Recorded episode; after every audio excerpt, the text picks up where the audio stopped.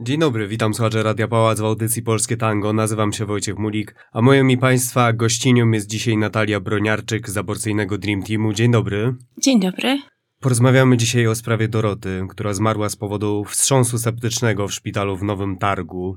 Czy zarówno w przypadku śmierci Izabeli z Pszczyny, jak i w przypadku śmierci pani Doroty możemy postawić tezę, że one obie umarły w wyniku błędu lekarzy, którzy nie dokonali na czas przerwania ciąży? Ja myślę, że sprawa jest o wiele bardziej skomplikowana. Na pewno mamy do czynienia z błędem medycznym, ale ten błąd medyczny ma pewne korzenie. On się nie wziął z nieuwagi, on się nie wziął ze zmęczenia, dlatego że tutaj ogromną rolę przy występowaniu takich sytuacji ma antyaborcyjne prawo, które w Polsce funkcjonuje od 30 lat, a za sprawą wyroku mm, pseudotrybunału zostało jeszcze zaostrzone i świadczy o tym to, jak pacjentki były traktowane na oddziałach tuż przed śmiercią. Zarówno w przypadku pani Izy, jak i w przypadku pani Doroty mamy relacje rodziny. W przypadku pani Izy mamy jeszcze te dramatyczne SMS-y, które świadczą wprost o tym, że lekarze zaniechali ratowania życia pani Izy i powoływali się wprost e, na prawo. No a w przypadku pani Doroty mamy całe postępowanie medyczne, które trwało przez te trzy dni, to znaczy całkowita koncentracja na utrzymaniu ciąży i w zasadzie żadna pomo- pomoc medyczna skierowana w, e, na panią e, Dorotę. Czyli możemy założyć, że lekarze bali się skutków przepisów antyaborcyjnych, a mówiąc wprost, w przypadku pani Doroty, ona wcale nie musiała umrzeć. Ja myślę, że ani pani Dorota, ani pani Iza, ale też reszta kobiet, które e, straciły życie e, w Polsce na oddziałach ginekologiczno-położniczych, absolutnie mogłyby żyć. Nie wiem, czy lekarze się bali. Oni tak mówią, że się boją. Natomiast kiedy przyjrzymy się konsekwencjom ich decyzji, to trudno e, znaleźć odpowiedź na pytanie, dlaczego się nie boją nie udzielać komuś pomocy, czy był taki moment, kiedy pani Dorota dowiedziałaby się od lekarzy, że utrzymywanie tej ciąży jest dla niej śmiertelnym zagrożeniem? Z relacji rodziny dowiadujemy się, że, że taka informacja ani pani Dorocie, ani e, mężowi e, nie została przedstawiona.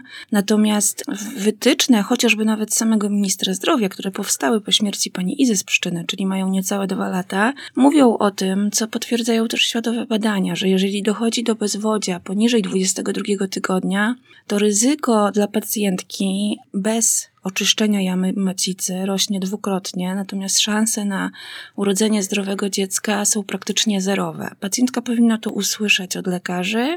Te dwie sprawy, i pani Izy, i pani Doroty, łączy pewna taka, taka rzecz, która jest w ogóle obecna na polskich oddziałach ginekologiczno-położniczych, to znaczy lekarze czekają na śmierć płodu, żeby móc podjąć e, czynności ratujące pacjentkę.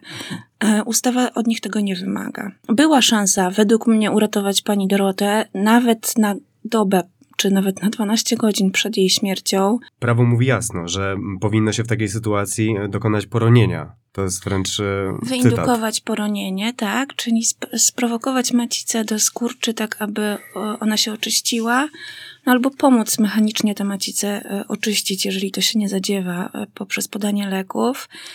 Wspomniała Pani, że być może to nie jest Pani zdaniem tak, że lekarze, lekarze wykręcają się. To może być wymówka i chodzi tak naprawdę o ich przekonania?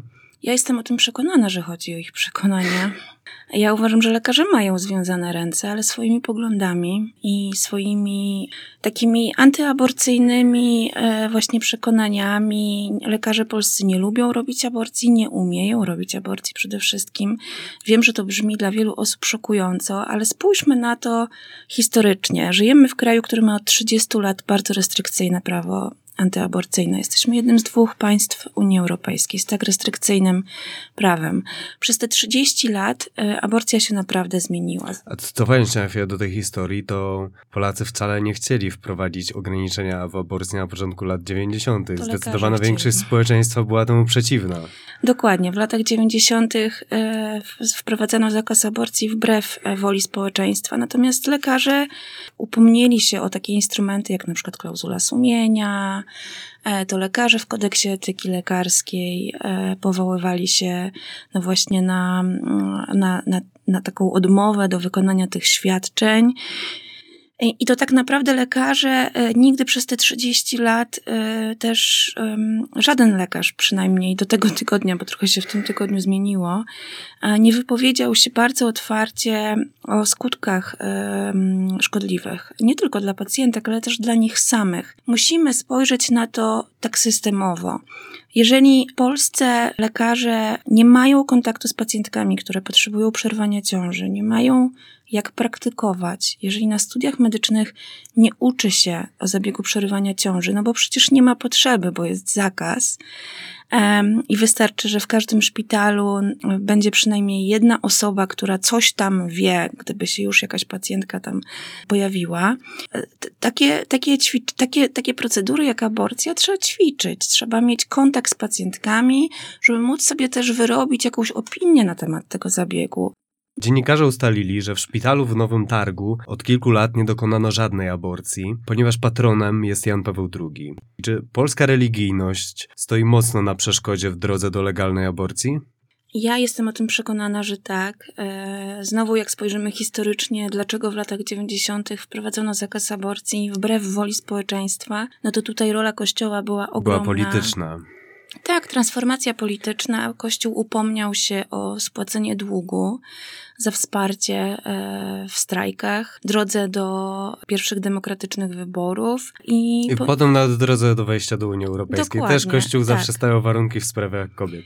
I zawsze ta aborcja leżała na stole jako, jako ta właśnie zapłata, więc niewątpliwie tutaj Kościół ma ogromną e, rolę i też jak spojrzymy na kraje, w których zakaz aborcji funkcjonuje, taki najbardziej restrykcyjny, to to są kraje katolickie, to jest, to, to jest Polska, Polska, to jest Malta, to jest Nikaragua, Chile, e, Meksyk, chociaż w Meksyku na szczęście się trochę zmienia. Pamiętam, jak kiedyś byłam na konferencji międzynarodowej i papieżem został właśnie Franciszek i koleżanka z Argentyny powiedziała, Boże, czy nas czeka jeszcze bardziej zaostrzone prawo, jeżeli teraz naszym, nasz, nasz człowiek jest papieżem? I, I zaczęłyśmy się nad tym zastanawiać i doszłyśmy do wniosku, że Jan Paweł II, e, czyli Karol Wojtyła, no, odegrał w, właśnie w tych krajach katolickich, zwłaszcza w Ameryce Łacińskiej i w Polsce, ogromną rolę w e, restrykcjach e, aborcyjnych. I tak, dlatego też tak strasznie trudno to prawo zmienić. Jak ustawa antyaborcyjna wpłynęła na ilość faktycznie dokonywanych przez kobiety w Polsce aborcji? Musimy powiedzieć, że aborcja dzieje się niezależnie od tego, czy mm, prawo na nią zezwala, czy nie. W zeszłym roku um, Instytut Guttmachera, to jest taki duży amerykański instytut, który bada ogólnoświatowe e, prawa e, aborcyjne, ale też dostęp do aborcji, bo to są jednak dwie różne kwestie. No, według tego badania wyszło, że w zasadzie niezależnie od tego, czy w kraju jest legalna aborcja, czy nie, to średnio jedna na cztery osoby, e, która może zajść w ciążę, ma to doświadczenie, więc prawo tutaj e, jest e, albo czynnikiem sprzyjającym, albo czynnikiem, który należy ominąć. W Polsce prawo od 30 lat jest omijane. Mamy trochę łatwiej niż na przykład właśnie Argentynki miały, czy do, do niedawna, czy Irlandki, dlatego że w Polsce kobieta nie jest karana za przerwanie własnej ciąży, ale Osoby, które jej pomagają, mogą już iść e, do więzienia nawet na trzy lata. No właśnie, ale mamy tutaj karane osoby takie jak na przykład Justyna Wydrzyńska.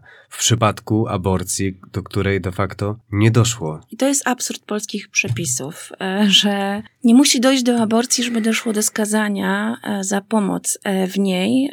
Dla sądu, przynajmniej tego, który skazywał Justynę, przypomnę, że wyrok jest nieprawomocny. Czekamy na datę posiedzenia w sądzie apelacyjnym. Natomiast tutaj sąd kierował się takim spojrzeniem na sprawę, że liczyła się intencja, że Justyna się zgodziła, że ta aborcja się odbędzie dzięki jej e, czynom, e, no i za te intencje należy ją e, ukarać.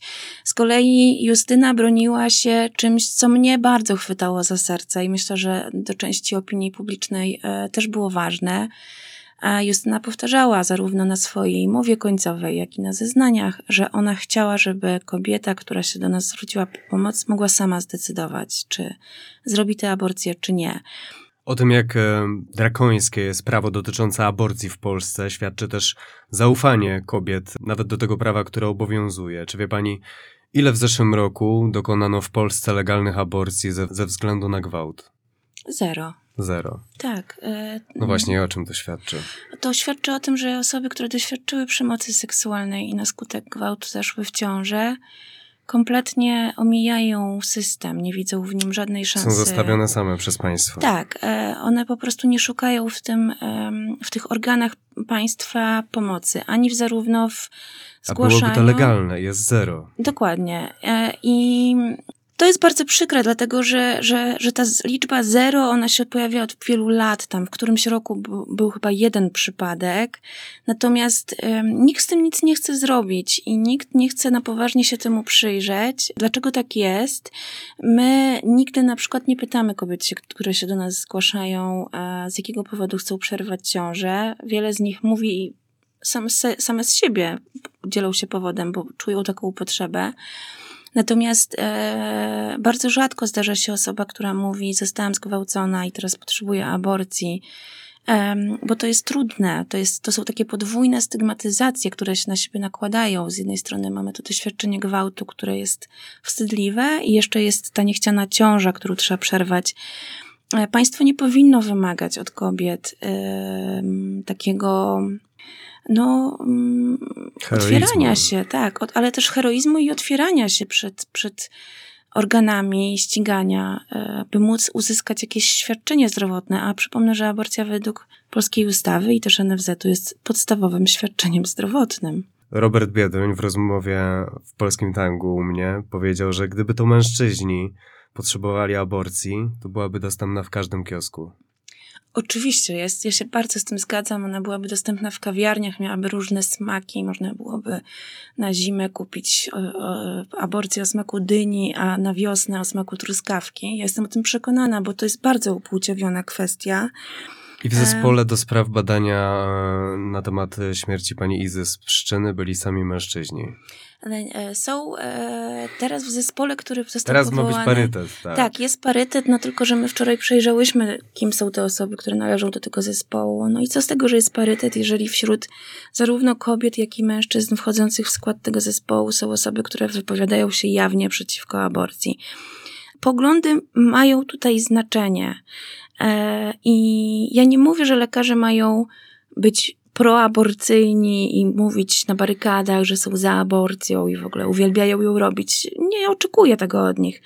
Natomiast chciałabym, żeby spojrzeli w końcu na aborcję jak na część swojej pracy, jak na zabieg medyczny, który po prostu czasem jest potrzebny e, i, i ktoś musi go wykonywać.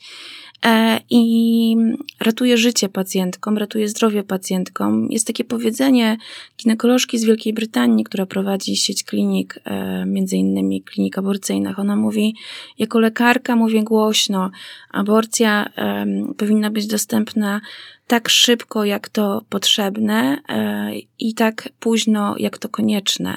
Czyli ja jako lekarka zobowiązuję się, że nie będę wybrzydzać i nie będę obwiniać swoich pacjentek o to, że zjawiły się u mnie za późno albo e, zjawiły się u mnie e, bez powodu. Moją rolą jest im pomóc. Polscy lekarze ciągle traktują ten temat jak problem, jakby pacjentka, która się zjawia u nich z potrzebą przerwania ciąży, nieważne z jakiego powodu, to jest trochę taki gorący kartofel, którego należy wyrzucić ze szpitala i e, pozbyć się tego problemu. U nas się nie robi, proszę jechać gdzieś indziej, to nie moja sprawa. Nikt nie chce potraktować tego problemu poważnie.